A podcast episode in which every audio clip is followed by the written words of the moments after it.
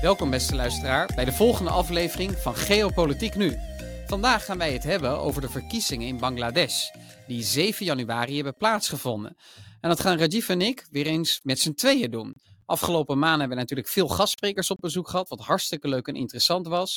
Maar soms moeten Rajiv en ik ook met z'n tweeën de diepte induiken. En dat gaan we vandaag doen in Bangladesh. En het is een islamitisch land, vlakbij India in de buurt. Dus het is logisch dat jij natuurlijk als geopolitiek analist van India ook in Bangladesh de boel in de gaten houdt. En het is ook een matriarchie, wat mij een beetje verbaasde, want het is een islamitisch land. Maar toch hebben twee vrouwen daar al decennia lang heel strak de touwtjes in handen. Kun je daar kort wat over vertellen, Rajiv? Ja, eigenlijk is het in India en in de omgeving noemen ze het ook wel de Battle of the Begums. En Begums, dat waren eigenlijk uh, rijke, adellijke islamitische heerseressen, dus vrouwelijke koninginnen, uh, die vroeger in India en Bangladesh leefden. Vaak als hun ja, man was overleden in een gevecht. Dus vandaar de Battle of the Begums. En het is met name een strijd tussen twee vrouwen, namelijk Sheikh Hasina, je kan haar gewoon Hasina noemen. Zij is van de seculiere progressieve Awami League. En tegenover haar heb je Khaleda Zia. En zij is van de BNP, de Bangladesh Nationalist Party. En die is meer in de rechterkant van de politiek. Ik moet tegelijkertijd ook zeggen, in Aziatische landen of in Bangladesh moet je links-rechts niet zo snel zien als links-rechts in Nederland. Er zijn wel verschillen, maar daar komen we uh, later wel op terug. Maar dit zijn eigenlijk de twee camphanen in Bangladesh. Oké, okay, zo de Battle of the Begums ja. tussen de leider Hasina van de uh, Awami Liga en Sia van de BNP. Precies. Heel kort voor onze luisteraar. Oké, okay, duidelijk. Voordat we dieper op Bangladesh ingaan, ben ik eigenlijk wel benieuwd. Waarom doet Bangladesh ertoe voor Nederland? Uh, voor Nederland doet het er eigenlijk niet veel toe, als we eerlijk mogen zijn. Het is, het is een groot ontwikkelingspartner, kan ik ook heel goed begrijpen voor Bangladesh. Het is een relatief vlak land. Het is ook een land dat het meest te maken krijgt met klimaatverandering. Er zijn ja, ze krijgen te maken met heel veel wateroverlast. Namelijk twee hele grote rivieren stromen door Bangladesh, de Ganga en de Brahmaputra. En bijna de helft van het land is één groot delta. Dus logisch dat ze met Nederland samenwerken. Maar voor de rest houdt het eigenlijk wel op als we kijken naar wat echt het belang is voor Nederland. Maar waarom het toch behandelen, waarom het toch interessant is, is omdat Bangladesh zeker van belang is voor India. En India is gewoon een speler van belang. En wat in Bangladesh gebeurt, zal zeker van invloed zijn op de stabiliteit in Oost-India, dus een grensgebied tussen India en Bangladesh. En het is eigenlijk ook een leuke casus van hoe moeten we omgaan met zulke landen. Want het is duidelijk dat de verkiezingen niet zo heel eerlijk hebben plaatsgevonden. Daardoor heeft de seculiere Awami League gewonnen. Maar als de verkiezingen eerlijk hadden plaatsgevonden, is de kans best wel aanwezig dat de BNP had gewonnen, die weer samenwerkt met uh, Jamaat-e-Islami. Dat zijn hele streng uh, islamitische partijen echt op de leer van, ja, bijna Taliban zou ik kunnen zeggen. Heel streng islamitisch van aard. Die een grote rol hebben gespeeld ook in de genocide in 1971. Ja, dus hoe moeten we daar als Westen mee omgaan in zulke gevallen? Dus in die zin vond ik het wel interessant om Bangladesh deze week te behandelen. Dus Bangladesh geniet niet de hoogste prioriteit voor Nederland, maar het is toch een relevant land. Natuurlijk vanwege onze expertise die Bangladesh in de toekomst waarschijnlijk heel erg nodig gaat hebben tegen het grote wateroverlast vanwege twee grote rivieren. En wellicht ook natuurlijk uh, zeespiegelstijging die uh, Bangladesh ook kan gaan teisteren. En omdat het een grote invloed heeft in de regio. Ik trek het dan even breder dan alleen India. Ook zou je kunnen stellen dat in de Indo-Pacific, waar nu natuurlijk de grote geopolitieke focus ligt, het ook een grote invloed kan gaan hebben. En dat Bangladesh in die zin ook heel erg moet laveren tussen China enerzijds en Amerika anderzijds. Ja, en India ook nog eens. En India ook nog eens. Dus ongelooflijk veel partijen te managen voor een land dat van oudsher economisch er heel zwak voor stond. Kun je daar alvast wat kort over zeggen voordat we die politiek induiken? Wat heeft Bangladesh in de afgelopen 10, 15 jaar economisch gedaan? Nou, Bangladesh is de afgelopen 10, 15 jaar heel hard gegroeid. De economie is best wel, uh, ja, ook per hoofd van de bevolking zijn ze flink vooruit gegaan. En als ze zo doorgaan, dan zijn ze geprojecteerd dat ze in het jaar 2026, zeg ik uit mijn hoofd, de status van een uh, relatief goed ontwikkelingsland hebben bereikt. Dus ze zijn nog steeds een ontwikkeling, dus een land in ontwikkeling. Alleen waarbij zaken als extreme armoede en echt dat hele arme Dus hele zware armoede is uitgeband. En dat doen ze met name door de katoenindustrie, de kledingindustrie. Ik denk dat veel luisteraars van ons ook zullen merken als een klerenharen, waar dan ook, Primark of andere zaken. Als je dan in je labeltje kijkt, zie je vaak staan, made in Bangladesh. En daar dus hebben ze... hebben onze luisteraars een bijdrage geleverd ja, zeker. aan het worden van Bangladesh. Zeker. Leven de vrije handel. Klopt. En dat was ook echt een, ja sowieso was dat een specifieke keuze. Want uh, het was een heel arm land. En de regering toen, de Awami League, die toen aan de macht was, hadden voor de keuze: oké, we moeten eigenlijk geld binnenhalen.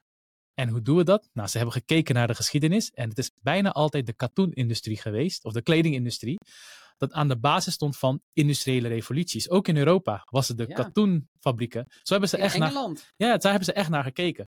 Nou, en ze hebben gezien, het is echt de kledingindustrie dat de uh, eerste fase is van een industriële revolutie.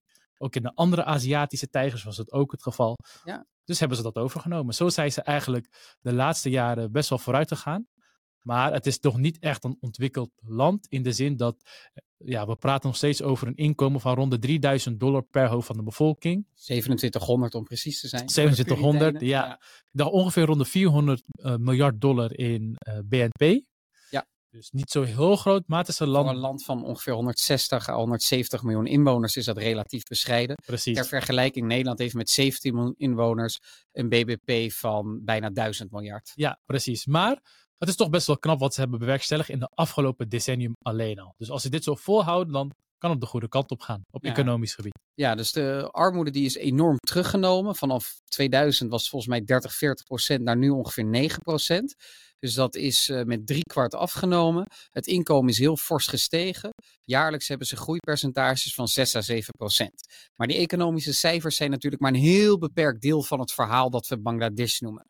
Kun jij meer vertellen over het politieke verhaal van Bangladesh? Laten we starten met de leider van de afgelopen jaren, Hasina. Ja, Sheikh Hasina. Ik ga niet een heel lang verhaal van maken, zal ik tussendoor stoppen. Maar ze is een heel interessant persoon. Zij heeft heel veel meegemaakt.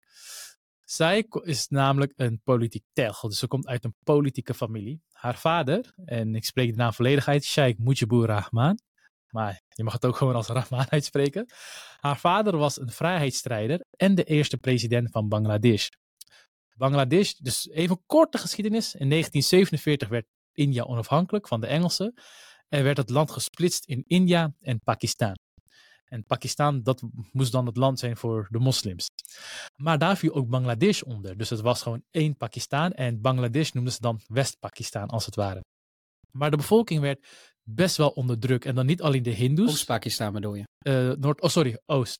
Oh, mijn excuses. Oost-Pakistan. Dus ja. na de onafhankelijkheid uh, zien we twee landen terug: India en Pakistan. En Bangladesh behoort in 1947 tot Pakistan en wordt eigenlijk Oost-Pakistan genoemd. Precies, ja. Uh, maar de, het is een heel arm land. Het wordt ook heel sterk verwaarloosd. Want al de middelen gingen naar ja, mainland Pakistan, dus wat nu het huidige Pakistan is. Daar ging het naartoe. En de bevolking werd best wel heel zwaar onderdrukt door het Pakistaans leger. En dan niet alleen de Hindoes, ongeveer 10 tot, ik dacht rond de 20 procent uit mijn hoofd was toen Hindoes. Die werden sowieso ook al zwaar onderdrukt. Want dat was het idee, Pakistan is voor de moslims, in, uh, India's is voor de Hindoes. Maar ook de Bengalen zelf, dus ook de islamitische Bengalen. Uh, sterker nog, het Bengaalse taal werd onderdrukt. Uh, je moest Urdu spreken. Urdu is de taal van Pakistan, het hedendaagse Pakistan. Klopt. Ja, dus zwaar onder druk. Op een gegeven moment kwamen er steeds meer partijen die van Bangladesh een onafhankelijke staat wilden maken. Ik ga hier niet te lang op in, maar in 1971 wordt Bangladesh onafhankelijk met de hulp van India. In een hele wrede oorlog. En waar ook een genocide had plaatsgevonden, uh, waar ongeveer 3 miljoen mensen waren vermoord. Meestal Hindoes. En er wordt toch gesproken van genocidal rape.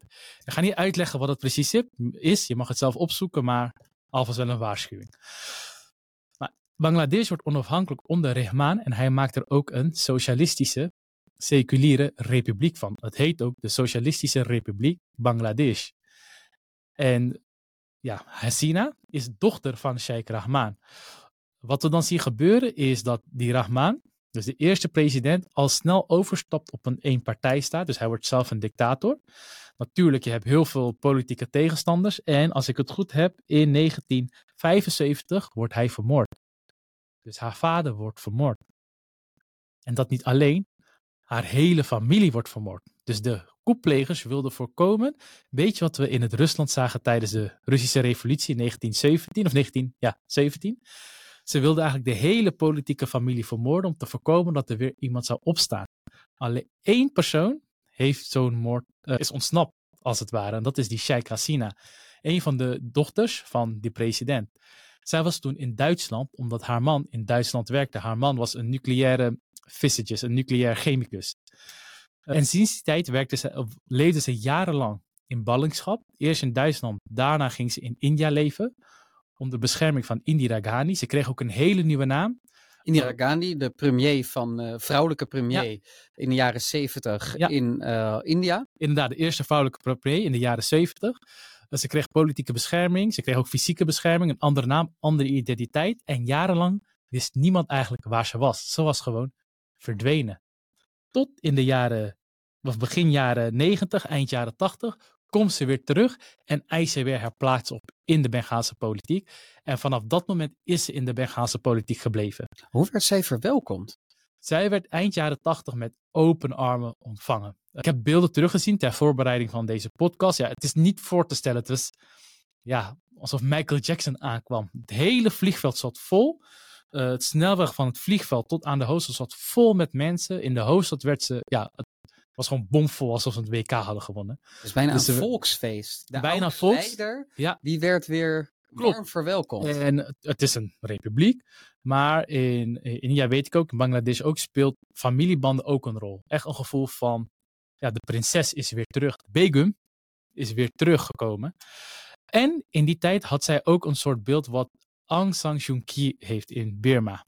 We hoeven daar niet op in te gaan, maar dat is de vrijheidsstrijdster in Burma. Die zelfs een Nobelprijs gewonnen. Heeft zelfs een Nobelprijs gewonnen. Dus een beeld van iemand die voor democratie vecht. Nou, zo'n soort, uh, zo'n soort beeld had zij ook in de wereld, omdat zij in, via haar ballingschap in India voor democratie bleef vechten. Later, uh, vlak voor de verkiezingen, kwam haar ware identiteit naar boven in India. Zei ze, ik ben Sheikh Hasina. En vanaf dat moment ging ze steeds meer voor democratie proberen te vechten. En kwam ze dus eind jaren tachtig terug. En uh, begin jaren negentig ja, ging ze samen met haar politieke tegenstander, de BNP, verkiezingen organiseren.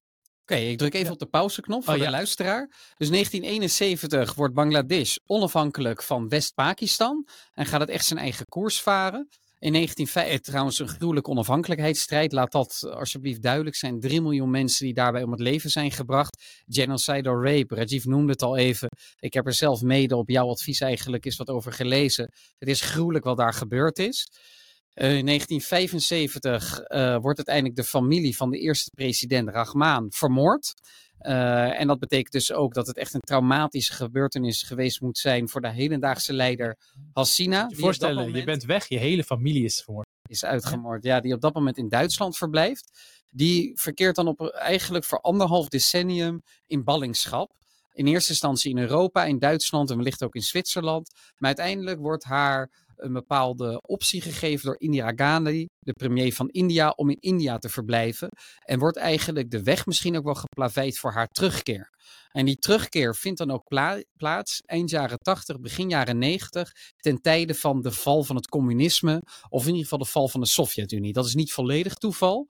Uh, je moet namelijk weten dat in de geopolitiek zaken altijd een grote achtergrond hebben. En de val van het communisme en daarvoor de Koude Oorlog zijn altijd heel erg belangrijk in het duiden en het verklaren van gebeurtenissen. Het is niet voor niets dat begin jaren 90 de eerste verkiezingen in Bangladesh worden uitgeschreven. En die gaan dan tussen natuurlijk Hassina, die de leider is van de Awami League, en de BNP. En wie is op dat moment de leider van de meer islamist, eh, islamistische BNP? Ja, even een korte rectificatie. De BNP is niet zozeer islamistisch van aard. Uh, dus de uh, partner van de BNP, die heel sterk islamistisch van aard is, Jamaat Islami. De BNP ja. uh, ziet wel een belangrijke rol voor de islam in Bangladesh. Uh, waarbij de Awami, Awami League doet dat ook, maar die is meer zoals je kan vergelijken met de P van de A in de jaren 50, 60. Die waren toen ook wat ja, christelijker van aard. Speelt een belangrijke rol. Alleen de BNP die uh, ziet, ja, vindt dat het nog, nog een prominentere rol dient te spelen. Maar waarbij er ook plaats dient te zijn voor andere religies. Of het in de praktijk ook zo is, is even iets anders. Maar dat is in ieder geval wat ze zeggen. Uh, dat is even wel een belangrijk, uh, belangrijk nuance. Want het is niet zo dat dus tijdens. BNP die zit eigenlijk in een soort alliantie. Die zit ook Mhm. in een soort league, om het zo maar te zeggen. Waarin zij zelf ook wel strak in islamitische leer zitten. Maar nog enige ruimte geven aan andere religies. En eh, de Koran niet leidend willen laten zijn in de politiek. Uh, terwijl hun belangrijkste coalitiegenoot, Jawad e Islami, Ja. uh, de Islamitische Republiek. Vanaf nu ga ik het ook alleen maar de Islamitische Republiek noemen het in het, ja, uh, in het Nederlands wel islamistischer is. En je ziet eigenlijk terug dat de BNP daardoor beïnvloed wordt. Oké, helder. Dus we zien twee leaks tegen elkaar strijden. De BNP, die gesteund wordt door de Islamitische Republiek. En uh, Hassina, die de leidster is van de Awami League. Vertel verder, wat is er vanaf de jaren negentig aan de hand? Ja, wat er van, die twee werken samen. Het zijn eigenlijk camphanen. Waarom? Die Khaleda Sia, dat moet ik wel vertellen, dus de leider van de BNP. Zij is de vrouw van legerleider Ziaur. En die legerleider Ziaur maakte deel uit van de coup tegen haar vader. Dus het is niet per se dat de man van die Khaleda Sia haar vader heeft vermoord, maar zat wel in het team. En daarom heeft dat natuurlijk ook wel impact gehad op Hasina. Dus het, ja, haar vader kwam toen aan de macht. En zoals het altijd gaat met coups, je hebt te heel veel belangen. Je hebt altijd coups tegen coups. Uiteindelijk is ook de, de man van Khaleda Sia vermoord en kwam een ander legerleider aan de macht. En daarom dus gingen ze... voor de duidelijkheid, toch omdat die namen kunnen gaan duizelen, dat doet het ook wel eens Oh. bij mij. De man van Zia, de oppositieleider op dit moment, eh, is degene die een coup heeft gepleegd op de vader van Hassina. Ja, hij heeft niet echt de coup gepleegd, maar hij zat wel in het team. Medegepleegd. Oké, niet precies, de leider, ja. maar medegepleegd. Precies, ja. Helder, oké. Nou, dus dat doet wat toch met uh, Hazine. Ik denk, ja, jouw man heeft mijn vader en mijn media door jouw man en is mijn vader en mijn hele familie soort van vermoord. Maar in ieder geval, eh, de couppleger zelf wordt ook vermoord. De man van uh, Khaleda Sia. Uh, en komt er een ander generaal aan de macht. En dat is eigenlijk waarom de BNP en de Awami League vanaf de jaren negentig soort van wel moeten samenwerken. Omdat ze zoiets hebben, ja, we hebben een hekel aan elkaar. Maar we vinden beide niks dat een derde generaal de macht heeft in Bangladesh. Dus we gaan samen die regering omverwerpen. Wat ze ook hebben gedaan. Dus je vijandsvijand is je vriend. Precies, van Julius Caesar. De, de, beste, of de, mijn vijands vijand is mijn vriend. Ja, hoe doen ze dat? Ze hypen hun bevolking op, op om massaal protesten te plegen, te demonstreren. Ja, en dat werkt. Uiteindelijk wordt de hele, het hele land wordt lamgerecht. En worden er verkiezingen uitgeschreven. En in 1991 wint de BNP de verkiezingen. Awami League accepteert dat. Waarom accepteert Awami League dat? En dat is eigenlijk heel belangrijk voor de, voor de afgelopen decennia. Is BNP en de Awami League hadden in een soort herenakkoord, of eigenlijk een vrouwenakkoord in dit geval, damesakkoord, damesakkoord uh, afgesloten dat de verkiezingen altijd zouden worden georganiseerd door een overgangsregering. Dus waar we in Nederland automatisch van uitgaan dat een bestaande regering gewoon netjes de verkiezingen organiseert. Dan zijn hier niet bang dat VVD de, stem, uh, ja, de stembrieven gaan vervalsen of de, ja, die grote mannen gaan volproppen met eigen stemmen. Ja, daar zijn ze in Bangladesh wel wat meer bang voor. Dus ze hebben gezegd, voordat er verkiezingen zijn, komt er een overgangsregering, een neutrale regering. En we gaan dan zo ervoor zorgen dat er elke keer eerlijke verkiezingen zijn. Ja, dat vind ik best een verstandige keuze. Ja, dat is een heel goede keuze. Sterker nog, werd ook als voorbeeld gezien. Nou, daar wint dus de BNP. Awami League accepteert dat. Nou, Oké, okay, we gaan gewoon verder. Vijf jaar later, daar zijn verkiezingen om de vijf jaren. 1996 zie je dat de BNP weigert om zo'n overgangsregering te installeren. En die wil dus dat zij zelf gewoon de verkiezingen gaan organiseren. Nou, Awami die weigert dat. Waardoor dus de BNP weer de verkiezingen wint. En dan komen er protesten, massaprotesten, waardoor er weer een verkiezing moet worden gehouden. Nou, en dan gaan we niet eigenlijk alle jaren langs, maar wat je eigenlijk vanaf 1991 ziet, is dat de oppositie en de ja, coalitie, dus BNP of Awami aan de macht komen. En elke keer als de ene partij aan de macht komt, dan weigeren zij in die end om een, over te stappen op een overgangsregering. Waardoor er elke keer weer massaprotesten komen. Waardoor elke keer weer dan wel een overgangsregering komt en weer een nieuwe partij wint. En dat is eigenlijk ook altijd de oppositiepartij. Dus zo zie je dat de BNP en de Awami League vanaf de jaren 90 eigenlijk elkaar constant afwisselen. Constant met het gegeven dat ze elke keer weigeren een overgangsregering in te stellen. Oké, Ja. oké, helder. Ik ga het nog één keer kort samenvatten voor de luisteraar. Dus tot 1947 onder Britse heerschappij. Dan tussen 1947 en 71 onder Pakistaanse heerschappij. Na een bloedige onafhankelijkheidsoorlog onafhankelijk vanaf 1971. Wat dat betreft is Bangladesh eigenlijk een heel jong land. Dan eh, eh, eh, vinden er allerlei coups en moorden plaats, waardoor er legerleidingen aan de macht zijn. En zie je eigenlijk terug dat het vooral een dictatuur is. Vanaf eind jaren 80, begin jaren 90 democratiseert Bangladesh eigenlijk, maar nooit helemaal volwaardig. De partijen die op dat moment aan de macht zijn, die willen niet akkoord gaan met een overgangsregering. En de twee politieke partijen die sinds de jaren 90 tegen elkaar strijden, de Awami League aan de ene kant, de hedendaagse leider Hassani is daar de leider van. Eh, en aan de andere kant zien we de BNP, waar Sia de leider van is. Ja. strijden tot op de dag van vandaag met elkaar. Ja. En zo ook op 7 januari dit jaar. Dan kunnen we later weer een terugblik doen. Maar wat was het resultaat van de verkiezingen? En waarom wordt er in internationale media wel eens gesproken dat die verkiezingen niet helemaal vrij waren? Nou, de verkiezingen zelf waren op zich wel vrij. In de zin van, er, waren geen, er was geen sprake van frauduleuze handelingen. Maar wat we wel zagen is, na aanloop van de verkiezingen werden tientallen oppositieleden gearresteerd. Bijna de gehele oppositie werd gearresteerd. En dat heeft Zia of Hasina, Sheikh Hasina kunnen doen. Zij is overigens vanaf 2008 constant aan de macht. Dus inmiddels praten we dan over eh, hoofd 16 jaar. 16 jaar lang. We worden oud Stanley. Ja, zij heeft dat kunnen doen Ja. omdat zij een heel sterk inlichtingen- en veiligheidsapparaat heeft opgebouwd. Met name in eerste instantie om terrorisme en echt hele sterke radicalisme de kop in te drukken. Want dat was een extreem groot probleem. Vooral vanaf 2001. We zagen ook de aanslag natuurlijk in 9-11. Maar tijdens de verkiezingen in 2001 werden weer heel veel Hindoes eh, belaagd. Huizen werden in brand gestoken, waren ook doden gevallen. En die kwamen ook vanuit de BNP-kamp. En met name Jamaat-e-Islami de Jamaat-e-Islami is ook verantwoordelijk voor de genocide het toen. Maar ze mochten weer terugkomen in de politiek. Nadat ze eerst verboden waren. Ze waren een tijd lang verboden. Ja, maar ze mochten weer terugkomen. En in 2001 zie je een hele sterke radicalisering. Ik denk dat het wel belangrijk is om daar zo meteen even over te hebben van hoe dat precies komt. Zeker. Nou, je ziet dat in 2008 Awami League wint. Vooral met het belofte om te zorgen voor economische groei. Wat ze ook hebben gedaan sinds die tijd. En om sterk af te rekenen met terrorisme. Dat was echt een heel groot probleem in Bangladesh en extremisme.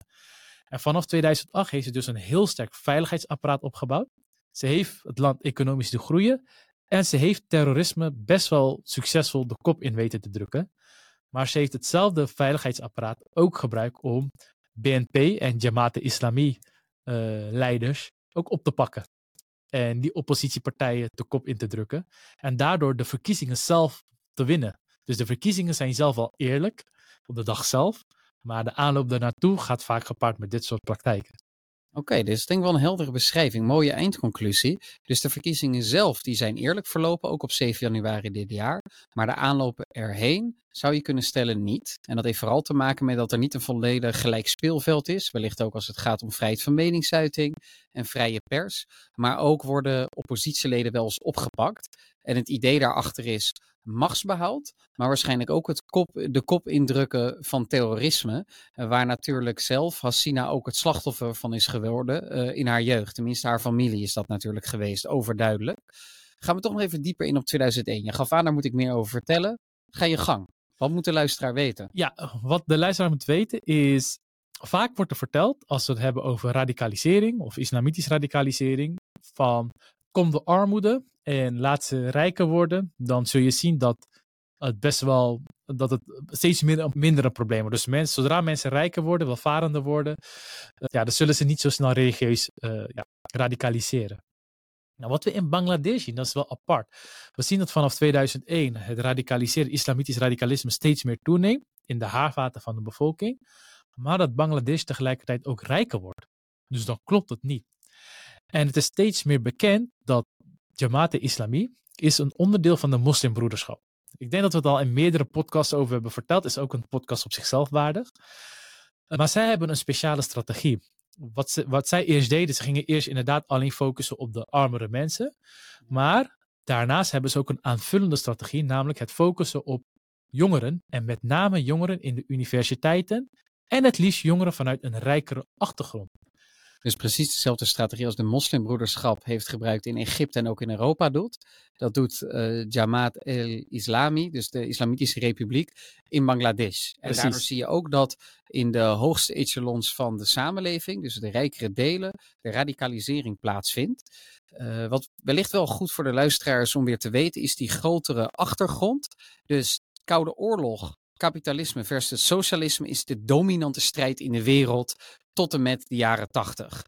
Uh, en op het moment dat bepaalde landen uh, onafhankelijk wilden worden, of bepaalde groepen wilden onafhankelijk worden, dan was er eigenlijk sprake van zogezegde communistisering. Dan wilden ze zich associëren met de Sovjet-Unie of met China in sommige gevallen en wilden zij vooral opteren uh, voor een meer communistisch land. Vanaf de jaren 90 zie je eigenlijk steeds meer terug, met name na 9-11, dus de aanslagen in de Verenigde Staten, dat onafhankelijkheidsbewegingen uh, vooral gaan voor meer islamitisch tintje.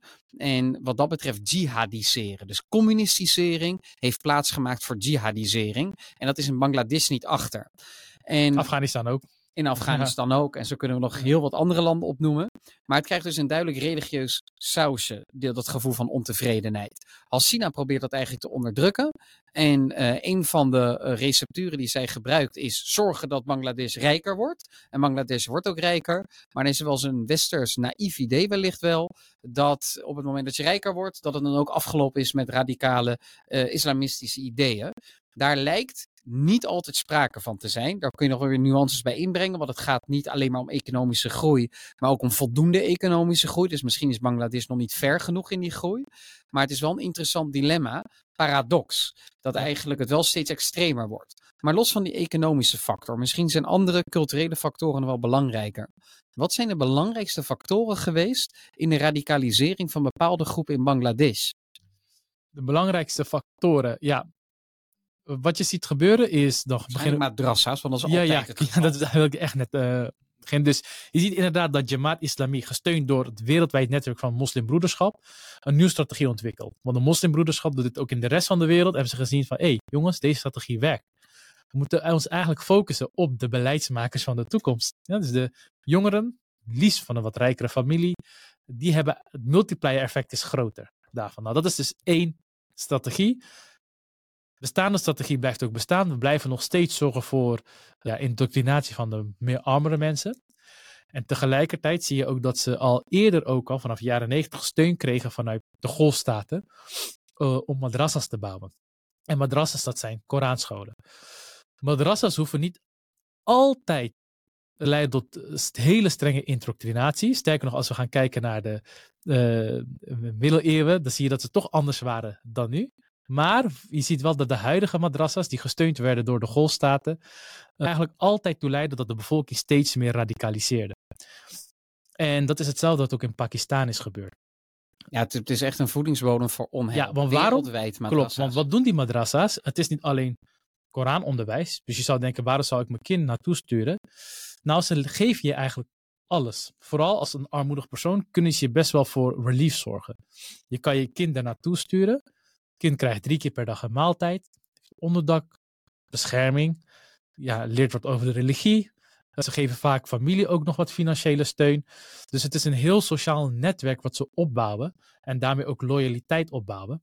Dat doen ze tot in de kleinste haarvaten van de bevolking. Dat is ook bijvoorbeeld ook hoe de Taliban is geradicaliseerd. Of de mensen die in de Taliban, voor de Taliban gingen vechten, waren gevlucht uit Afghanistan en die kwamen ook in die madrassas terecht. En dat is eigenlijk ook een derde strategie, wat ook in Bangladesh werd toegepast en nog steeds wordt toegepast. Ik denk zelf niet dat de golfstaten, en met name Saoedi-Arabië, nog zo actief is in het financieren van deze madrassa's, omdat ze zelf ook wel zien, ja, ja het leidt nergens tot nergens toe. Nou, naartoe. niet alleen het, het levert ons weinig op, maar het levert zelfs gevaar op. Want de moslimbroederschap had, denk ik, dat is mijn inschatting, en ik heb er best wel wat over gelezen, maar dat maakt me nog niet gelijk een expert, ervoor gezorgd dat de moslimbroederschap zo groot kan worden. De financiering vanuit de golfstaten, met name Saudi-Arabië, Qatar en de Emiraten, Kuwait ook.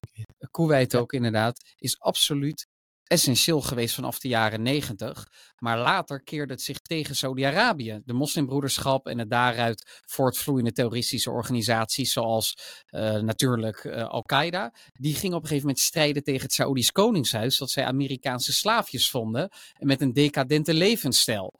Dus op dat moment wordt die financiering meer ingeperkt of meer gespecificeerd. Maar dan is dat monster al gecreëerd. Precies. En ideeën die verspreiden zich sneller dan je misschien zelf zou willen. En dat is in Bangladesh niet anders. En de vraag is nu eigenlijk wie gaat winnen? De moderniteit of het islamisme? En dan zou je eigenlijk, als wij de werkelijkheid heel erg mogen versimpelen, zo kunnen zien dat SIA namens de BNP staat voor islamisme. Uh, natuurlijk mede door Islamitische Republiek gesteund. Ik ben me er bewust van. En aan de andere kant dat Hassina staat voor meer modernisering. En dat in die, zijn, die zin het kiezen tussen twee kwaden was. Of een islamistische gesteunde partij aan de macht in uh, uh, Bangladesh. Of een partij die in de aanloop naar de verkiezingen niet helemaal eerlijk kon zijn om die partij uh, om die verkiezing toch te ja, winnen. wat, wat die Sheikh Hasina, de Awami League, ook heeft gedaan, los even van economische groei, heeft ze tegelijkertijd ook een heel sociaal programma uitgevoerd. Ook met, niet alleen voor de armen, maar ook voor vrouwen. Als we zien naar vrouwenonderwijs, is onder haar flink verbeterd. Ook vanuit dat seculiere socialistische gedachte. Uh, toegang tot anticonceptie, family planning of familieplanning. Uh, het geboortecijfer, en dat mocht ook wel trouwens, is ja. enorm teruggelopen. Klopt, dat is allemaal onder Awami League. Dus een heel... Het is het meest druk uh, dichtbevolkte land ter wereld, zelfs dichtbevolkter dan Nederland. Precies, precies. Uh, en dat is dus een ander beeld dan het BNP, inderdaad. Oké, okay, laten we heel even inzoomen op de geopolitieke dimensie. Bangladesh, zoals al genoemd, is natuurlijk een buurland van India. Sterker nog, het wordt helemaal ingesloten door India en door de Indiase Oceaan. Klopt. Dus eigenlijk zou je kunnen zeggen dat Bangladesh volledig is uitgeleverd aan de grillen van India. Hoe is de relatie tussen Bangladesh en India en tussen Hasina en Modi? Ja, uh, helemaal uitgeleverd aan de grillen niet meer, misschien vroeger, maar we hebben nu een China dat steeds meer opkomt. En uh, uh, vooral voor zorgt dat ze juist hechte banden aangaan met buurlanden in, van India, dus ook met Bangladesh. Ook daar heb jij denk ik meer onderzoek naar gedaan. In China is ook een van de grootste of de grootste handelspartners van Bangladesh. Is dus, een grote, ja. Of, ja dus... Eigenlijk, ik vind het altijd weer verbazingwekkend hoe groot het Westen is als handelspartner van heel veel landen. Ook hierin geldt weer dat uh, het Westen en Amerika en de Europese Unie worden daar altijd onderscheiden. Bij elkaar verreweg de grootste handelspartner zijn van uh, Bangladesh. Ja, dat is ook logisch, hè? want Bangladesh exporteert kleding voor westerse markten. Precies. En in India maken ze, ja, heel plat gezegd, hun eigen kleding. Dus er valt relatief weinig uh, ja, te handelen, als het Inderdaad, ware. Weinig comparatieve voordelen. Ja. Maar toch, hoe is die relatie met India? Ja, de relatie is, ja, dat is eigenlijk ook een achtbaan als we zien vanaf de jaren, begin jaren 70 is natuurlijk India degene die ervoor zorgt dat Bangladesh onafhankelijk wordt. Natuurlijk, de Bengalen hebben zelf ook gestreden. Maar het is India die de onafhankelijkheidsstrijd echt heeft, een push heeft geleverd. Sterker nog, India was Bangladesh binnengevallen. Hij heeft tienduizenden Pakistaanse soldaten als gevang, krijgsgevangenen genomen en heeft daarmee Bangladesh per direct onafhankelijk kunnen maken. Dus de relaties waren in eerste instantie heel hecht. Ook omdat India toen ook een socialistische republiek was. Dus het waren beide ideologische broertjes van elkaar. Je ziet beide dat... waren ook onderdeel van een non-alignment league. Precies, die beide. niet wilden liëren aan ofwel het Westen ofwel de Sovjet-Unie. Klopt, maar toch wel socialistisch van aard. Toch wel socialistisch en uiteindelijk uh, hadden ze beide goede relaties met Rusland. Precies. Tot het moment dat die Rahman, dus de vader van Hasina, wordt vermoord, komt een nieuwe legerleider aan de macht, legerleider Zia, of Ziaur, de op de stichter van de BNP. En die zoekt weer contacten op met Pakistan. Zijn ideologie was ook uh, vooruitgang, islam en tolerantie. Maar wel een duidelijke rol voor de islam in de Bengaalse politiek en Bengaalse samenleving. En je ziet dat met name in de jaren tachtig de, eigenlijk de samenwerking met India op een laag pitje terecht komt te staan. er wordt veel meer contact gelegd met Pakistan. En in de jaren, ja, India en Pakistan waren echt aardsvijanden van elkaar. In de jaren 90 zie je dat een beetje herstellen. Begin jaren 90 niet, want er is nog steeds BNP die aan de macht komt. Maar met name vanaf 2008 zie je dat de relaties met India, ja, ik zou willen zeggen, hechter zijn als nooit tevoren. Want Awami League doet zich ook voor als een partij die ook de Hindoe-minderheid van rond de 10% beschermt. Uh, dat is ook iets wat India ziet. Ten tweede, Awami League, met name Sheikh Hasina, heeft heel sterk terrorisme aangepakt ook met hulp van India, dus met hulp van Indiase inlichtingendiensten, Indiase veiligheidsdiensten. Dat is eh, ook een groot gevaar voor India, want waarschijnlijk net als vanuit Pakistan mhm. werden er ook vanuit Bangladesh wel eens terroristische aanslagen gepleegd in India. Ja, niet wel eens constant terroristische aanslagen gepleegd in de grensgebieden. En India had te maken met een hele grote stroom van illegalen die vanuit Bangladesh naar India kwamen. En met name in de grensgebieden zorgden voor heel veel spanningen, omdat de demografische uh, situatie verandert. En dan met name op het gebied van religie. Ja, dus het dus zorgt kortom, de grensregio's in India die worden meer islamitisch, terwijl die voorheen ofwel hindoe waren ofwel christelijk. Inderdaad, ja. Het is, het is nog steeds in de meerderheid hindoe of christelijk, maar je ziet wel duidelijk een demografische verandering. Uh, dus India te maken met een toename van terroristische activiteiten, uh, criminele activiteiten, want vaak ging het gepaard met drugs, wapenhandel, noem het maar op met illegale immigratie. En dus echt een verzwakte positie in het oosten van India. Wat India eigenlijk niet wil hebben, kan hebben. Want dat zorgt ervoor dat ze ook weer zwakker staan tegenover China. En de Awami is degene dus met die vanaf 2008 een betrouwbare partner is gebleken. Die samen met India deze problemen aanpakt. Ze hebben terrorisme eigenlijk de kop ingedrukt. Illegale immigratie is er nog steeds, maar het is veel, ja, de cijfers gezien, veel minder dan wat het eerst was. Ja, Sterker nog, ik had het even opgezocht. Mhm. In 2000, volgens de officiële cijfers, en de vraag is altijd in dit soort landen in hoeverre dat betrouwbaar is, verlieten in 2008, en dat was op het moment uh, dieptepunt van de economische crisis in het Westen eigenlijk. Nou, dat teisterde Bangladesh in enige maat, maar er was ook allerlei politieke uh, onrust in Bangladesh. Dus 1,6 miljoen mensen verlieten toen Bangladesh. En dat is eigenlijk stapsgewijs teruggebracht naar afgelopen jaren nog maar rond de 100 à 200.000. Nou, op een land van 170 miljoen inwoners, met dat uh, salaris, met dat inkomen, valt dat inderdaad wel mee. En dan is dat denk ik vooral uh, te danken aan Alsina, uh, die met haar beleid ervoor gezorgd heeft dat Bangladesh behoorlijk gegroeid is. Ik denk namelijk altijd dat de netto migratie van een land een goede indicator is hoe het land ervoor staat. Ja, Vandaar dat ik dat soort dingen altijd even opzoek in aanloop naar de podcast toe. Dus het is sterk teruggelopen. Daar heeft India ook van geprofiteerd. En als ik nog één ding mag bij mag zeggen, is uh, ook veiligheidsaspect. Daar heeft Hasina ook altijd in lijn gestaan met India. Ze hebben gezegd, je hoeft geen zorgen te maken. Er komen hier geen Chinese marineschepen. Sterker nog, Bengaal Bengaalse, uh, Bengaalse militair apparaat werkte vaak samen met het Indiase militair apparaat. En ook Awami League, Sheikh Hasina koos vaak ook de kant van India als het eh, kwam bijvoorbeeld op Kashmir en allerlei andere zaken. Terwijl BNP meer de kant koos van Pakistan. Dus dat vond India ook wel fijn dat er een partner is. Een buur, een belangrijke buur, die, waarvan India weet, dat is een betrouwbare partner waar we zaken mee kunnen doen. En die tegelijkertijd ook zorgt voor economische groei in het eigen land. Helder. Dus uh, Narendra Modi, premier van India, die heeft eigenlijk een hechte relatie met Hasina, uh, de premier van uh, Bangladesh. Uh, toch moet Bangladesh laveren. Want of het nou wil of niet, China is de grootste economie in de regio. En tot voor kort ook het grootste land qua inwoneraantal. En China wordt sterker, militair, economisch en ook qua invloed in de regio. En ook de Verenigde Staten proberen natuurlijk steeds sterker te worden in de Indo-Pacific.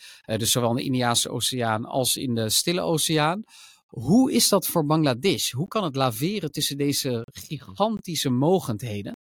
Nou, Hasina wat inderdaad laveren. Die heeft India ook nog, die wil India ook behouden als een goede partner. Sterker nog, in India hebben we een hindoe-traditie, die heet uh, Raksha Bandhan, waarbij zussen een zelfgemaakte armband binden om de pols van een broer, als teken van ik erken dat jij degene bent die me altijd zal beschermen. En de broer geeft altijd een zoetigheid terug uh, echt om een band te versterken tussen broer en zus. En Sheikh Hasina is degene die elke Raksha Bandhan, elk jaar, zo'n armband stuurt naar Narendra Modi. Toch om aan te geven hoe, hoe ze elkaar zien. Uh, dus dat symboliseert eigenlijk ook die hechte relatie, niet alleen tussen twee individuen, mhm. maar ook tussen twee volkeren en twee landen. Precies, ja. En over het laveren, we hadden het zelf even opgezocht. Het grootste probleem voor Bangladesh is denk ik het energietekort. Dus ze zullen ja, de economie groeit. En elke keer als je economie groeit, wordt het steeds meer afhankelijk van energie. Ik denk dat zij ook zullen proberen om goedkopere energiecontracten proberen af te sluiten met de Russen bijvoorbeeld. Want ze zien dat India dat wel doet. Misschien met hulp van India dat ze dat ook willen doen. Ja, je ziet dat ze proberen te diversificeren van in de energievoorziening. Het interessante daarbij is dat uh, in de afgelopen 10, 15 jaar Bangladesh volledig geëlektrificeerd is. Waar 10, 15, 20 jaar geleden een elektrificatiegraad had van ongeveer 30%, zit dat nu op 99%. De energievraag is navenant gigantisch toegenomen. En dat kon mede plaatsvinden doordat Bangladesh in enige mate zelfvoorzienend is qua gas. Ze hebben bepaalde gas bellen onder de grond gevonden in Bangladesh. En daardoor kon het eigenlijk zo snel elektrificeren en ook economisch groeien. Want je hebt natuurlijk elektriciteit nodig of energie voor economische groei. Maar in 2025, 2027, ergens in die jaren, lijken die bronnen volledig uitgeput te zijn. En daarom moet Bangladesh op dit moment op zoek gaan naar diversificatie van die energietoevoer. En dat is best wel een grote klus.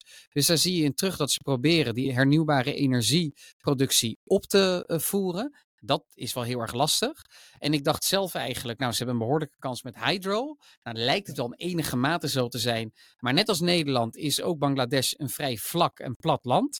Uh, dus dan hebben ze vooral heel veel potentie met windenergie, omdat ze een best wel grote kustlijn hebben. En voor zonne-energie, want er is heel vaak zon in Bangladesh. Dus daar zou best wel potentie liggen voor extra hernieuwbare elektriciteitsopwek.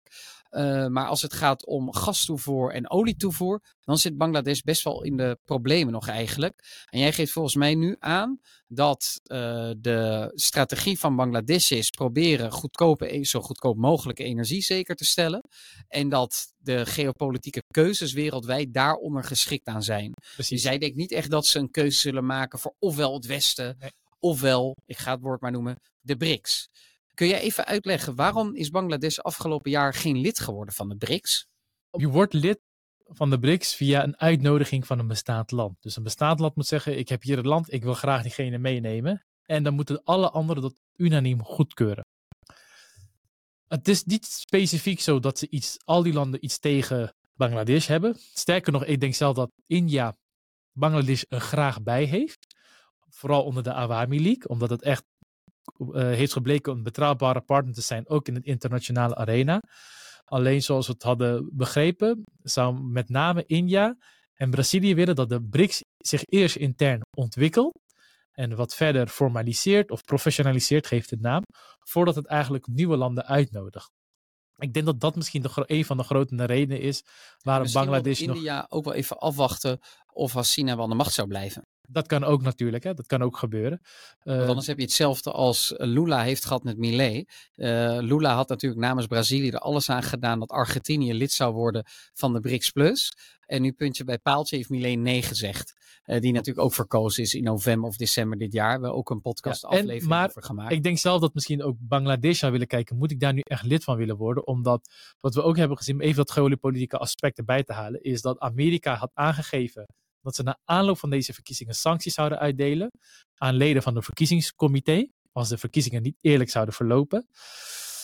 Ja, New Delhi zit daar, of India zit daar niet echt op te wachten, want die heeft aangegeven, wij kijken uit naar een stabiel en progressief Bangladesh. Nou, het woord progressief geeft al wat aan. En die ziet gebeuren als we het verkiezingen helemaal vrij zouden houden, dat de BNP en met name Jamaat-e-Islami aan de macht zouden komen.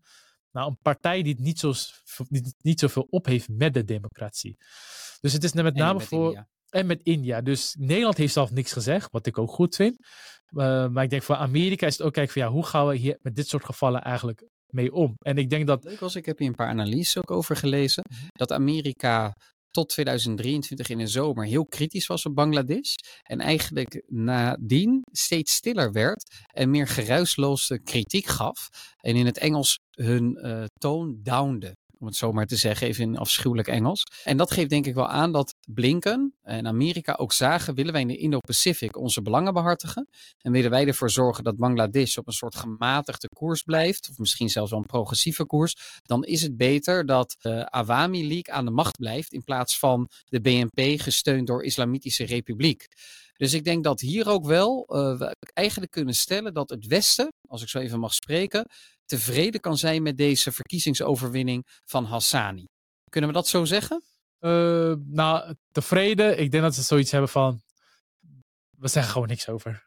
Het is goed zoals het is, als het ware. De verkiezingen Zouden zijn. meer teleurgesteld zijn geweest als BNP had gewonnen?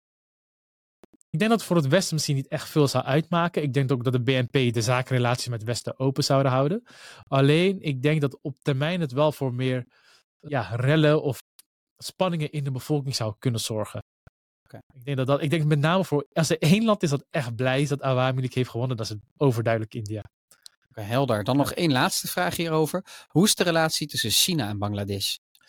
De relatie tussen China en Bangladesh is ja, goed en ook groeiende. China is ook een van de grotere handelspartners van Bangladesh. Uh, dus het is gewoon een goede handelsrelatie en niet meer dan dat. Dus het is niet zoals wat we in Sri Lanka hebben gezien, of wat we nu in de Malediven zien, dat China daar probeert door middel van allerlei ja, shark loans, zoals ze dat noemen, dus gevaarlijke leningen, uh, probeert delen van het land in bezit te krijgen of bepaalde sectoren in bezit te krijgen. Dat zien we in Bangladesh niet.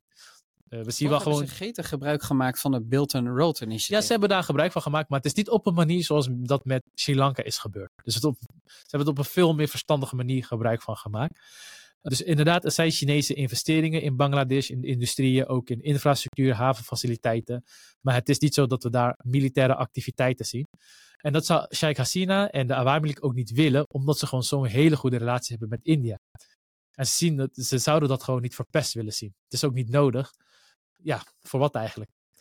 Ook de vorige minister van Buitenlandse Zaken, hij is nu geen minister meer, de hele kabinetsploeg is vervangen. Uh, die had ook aangegeven, India is onze enige buur en zo gaan we ook gewoon goed mee om. Het hele idee van liever een goede buur dan een verre vriend. En dat is denk ik een lijn die Sheikh Hasina wil behouden. Overigens een leuk feitje. Volgende maand komt de nieuwe minister van Buitenlandse Zaken van Bangladesh op bezoek naar India. En dan is tot die tijd even afwachten wat we kunnen verwachten. Ook voor mij, ik weet het ook niet. Maar vaak na zo'n eerste bezoek kan je al vanuit diplomatieke uh, zinnen, kan je al wat verstaan hoe ze eigenlijk om zullen gaan met elkaar. Er is toch wel wat onzekerheid in of de huidige relaties zo goed zullen blijven, omdat Awami League, eigenlijk weerspiegelend voor wat er in de bevolking afspeelt, ook bepaalde meer islamistisch georiënteerde of islamitisch georiënteerde ministers heeft aangesteld. Ja. En dat is ook de minister van Buitenlandse Zaken. Precies. Dus India zit ook in een soort afwachtende houding. Aan de ene kant tevreden vanwege het alternatief, maar ook wel even afwachtend, want er zijn ook wel wat eh, zorgwekkende ontwikkelingen eigenlijk gaande binnen Bangladesh. Maar laat onverlet dat Bangladesh op basis van de afgelopen 15 jaar op een indrukwekkend ontwikkelingspad zit. Dat het de lonen flink heeft zien stijgen, jaarlijkse groeipercentage van 7%. Maar dat op een gegeven moment het exportgeoriënteerde model ook tot een einde komt. En dat was dus ook een, uh, een uh, conclusie van het rapport van UNCTAD. Dat is van ontwikkelingslanden vanuit de VN, laat ik het daar maar even op houden. En daar werd ook in aangegeven dat Bangladesh erg een indrukwekkende uh, prestatie heeft afgeleverd. Maar dat het zich wel nu moet gaan toeleggen op meer innovatieve economie. En zich moet specialiseren in bepaalde sectoren. Omdat daar uiteindelijk de meeste uh, toegevoegde waarden, dus geld verdiend kunnen worden. En dat we op dit moment te veel concentratie zien, te veel afhankelijkheid zien van Bangladesh op het gebied van katoen en dus kledingindustrie. En de vraag is of dat in de komende jaren gaat lukken. Daarvoor zijn goede relaties met China uh, en India en vooral ook het Westen cruciaal. Want uiteindelijk moet je die foreign direct investment, de buitenlandse investeringen opkrikken. Die zijn tot nu toe eigenlijk nog wat te laag. Het is vooral nog een lage lonenland en dat kun je maar tot in zoverre blijven. Daarna moet je de stap zetten naar een nieuwe economie. En dan gaan we afwachten of dat de komende jaren gaat gebeuren. Nog één laatste vraag aan jou, Rajiv. Hoe moeten Nederland en de Europese Unie Bangladesh tegemoet treden? Oeh, interessante vraag. Ik zou zelf zeggen, maar dat is een persoonlijke mening, maar ik denk ook, dit is het beste voor Nederland en de EU. We moeten het gewoon zo laten zoals het is. Ik bedoel, de Awami League heeft laten zien dat het een, nog ook een betrouwbare partner is, waarmee je zaken mee kan doen. Ook westerse bedrijven, Nederlandse bedrijven doen zaken in Bangladesh. Het is een partij die ervoor zorgt dat in brede lagen van de bevolking het leven vooruit is gegaan. Uh, op het gebied van vrouwenonderwijs, meisjesonderwijs. Dat zijn toch zaken die wij ook in het Westen belangrijk vinden. Zeker. En Awami heeft laten zien dat ze dat ook echt ondersteunen. En ik zou me vooral als Nederland niet al te veel bemoeien over hoe uh, de verkiezingen in een land, ik weet niet hoeveel duizenden kilometer misschien, maar letterlijk de andere kant van de wereld, hoe zich daar hebben plaatsgevonden. Ik denk dat het juist voor in het binnenland daarvoor meer chaos zou zorgen. Waarom? Dat zie je vaak als het moment dat buitenlandse entiteiten, met name landen die niet tot de buren behoren, maar echt tot ja, verre landen, als ze zich ermee gaan bemoeien, wordt het vaak door lokale partijen gebruikt of misbruikt voor ja, politieke doeleinden. Van zie je nou wel, dat land geeft het ook aan dat het niet eerlijk is verlopen. Zij geven het zelf ook aan. En dat, ja, het zorgt vaak voor heel veel geroezemoes en gerommel, wat je denk ik niet wil hebben. Ik vind altijd, ik ben voor democratie, voor verkiezingen, maar het is vooral aan de regio zelf om ervoor te zorgen dat het op een goede manier verloopt. En ook hier haal ik vaak de Afrikaanse Unie als voorbeeld aan. Er gaat ook veel verkeerd, maar zo zou ik het eigenlijk ook in de rest van de wereld willen zien. Helder. Dus Ja. je zou eigenlijk stellen, het is niet aan de EU of Nederland een oordeel te vellen over het democratische proces. Wij moeten vooral proberen banden aan te knopen met leiders met wie wij enigszins een gelijk pad hebben voor de toekomst. En dat hebben wij met eh, de leider van eh, Bangladesh. Eh, en dat brengt ons zo langzamerhand denk ik wel bij het einde van de podcast. Nog even heel korte samenvatting. Bangladesh wordt onafhankelijk in 1971. Na jaren van coups en moordpartijen wordt het uiteindelijk een democratie eind jaren 80, begin jaren 90. Maar volwaardig democratiseert Bangladesh eigenlijk nooit. En dat heeft te maken met verschillende zaken, onder meer de economische ontwikkeling. Eh, nou, vanaf de jaren 2000, de jaren nul zou je eigenlijk kunnen zeggen, heeft Bangladesh een indrukwekkende ontwikkeling afgelegd. Enorme economische groei doorgemaakt tot nu een inkomen van 26, 2700 dollar per persoon per capita van de bevolking. Wat ontzettend veel is eigenlijk eh, in een periode van 15 jaar.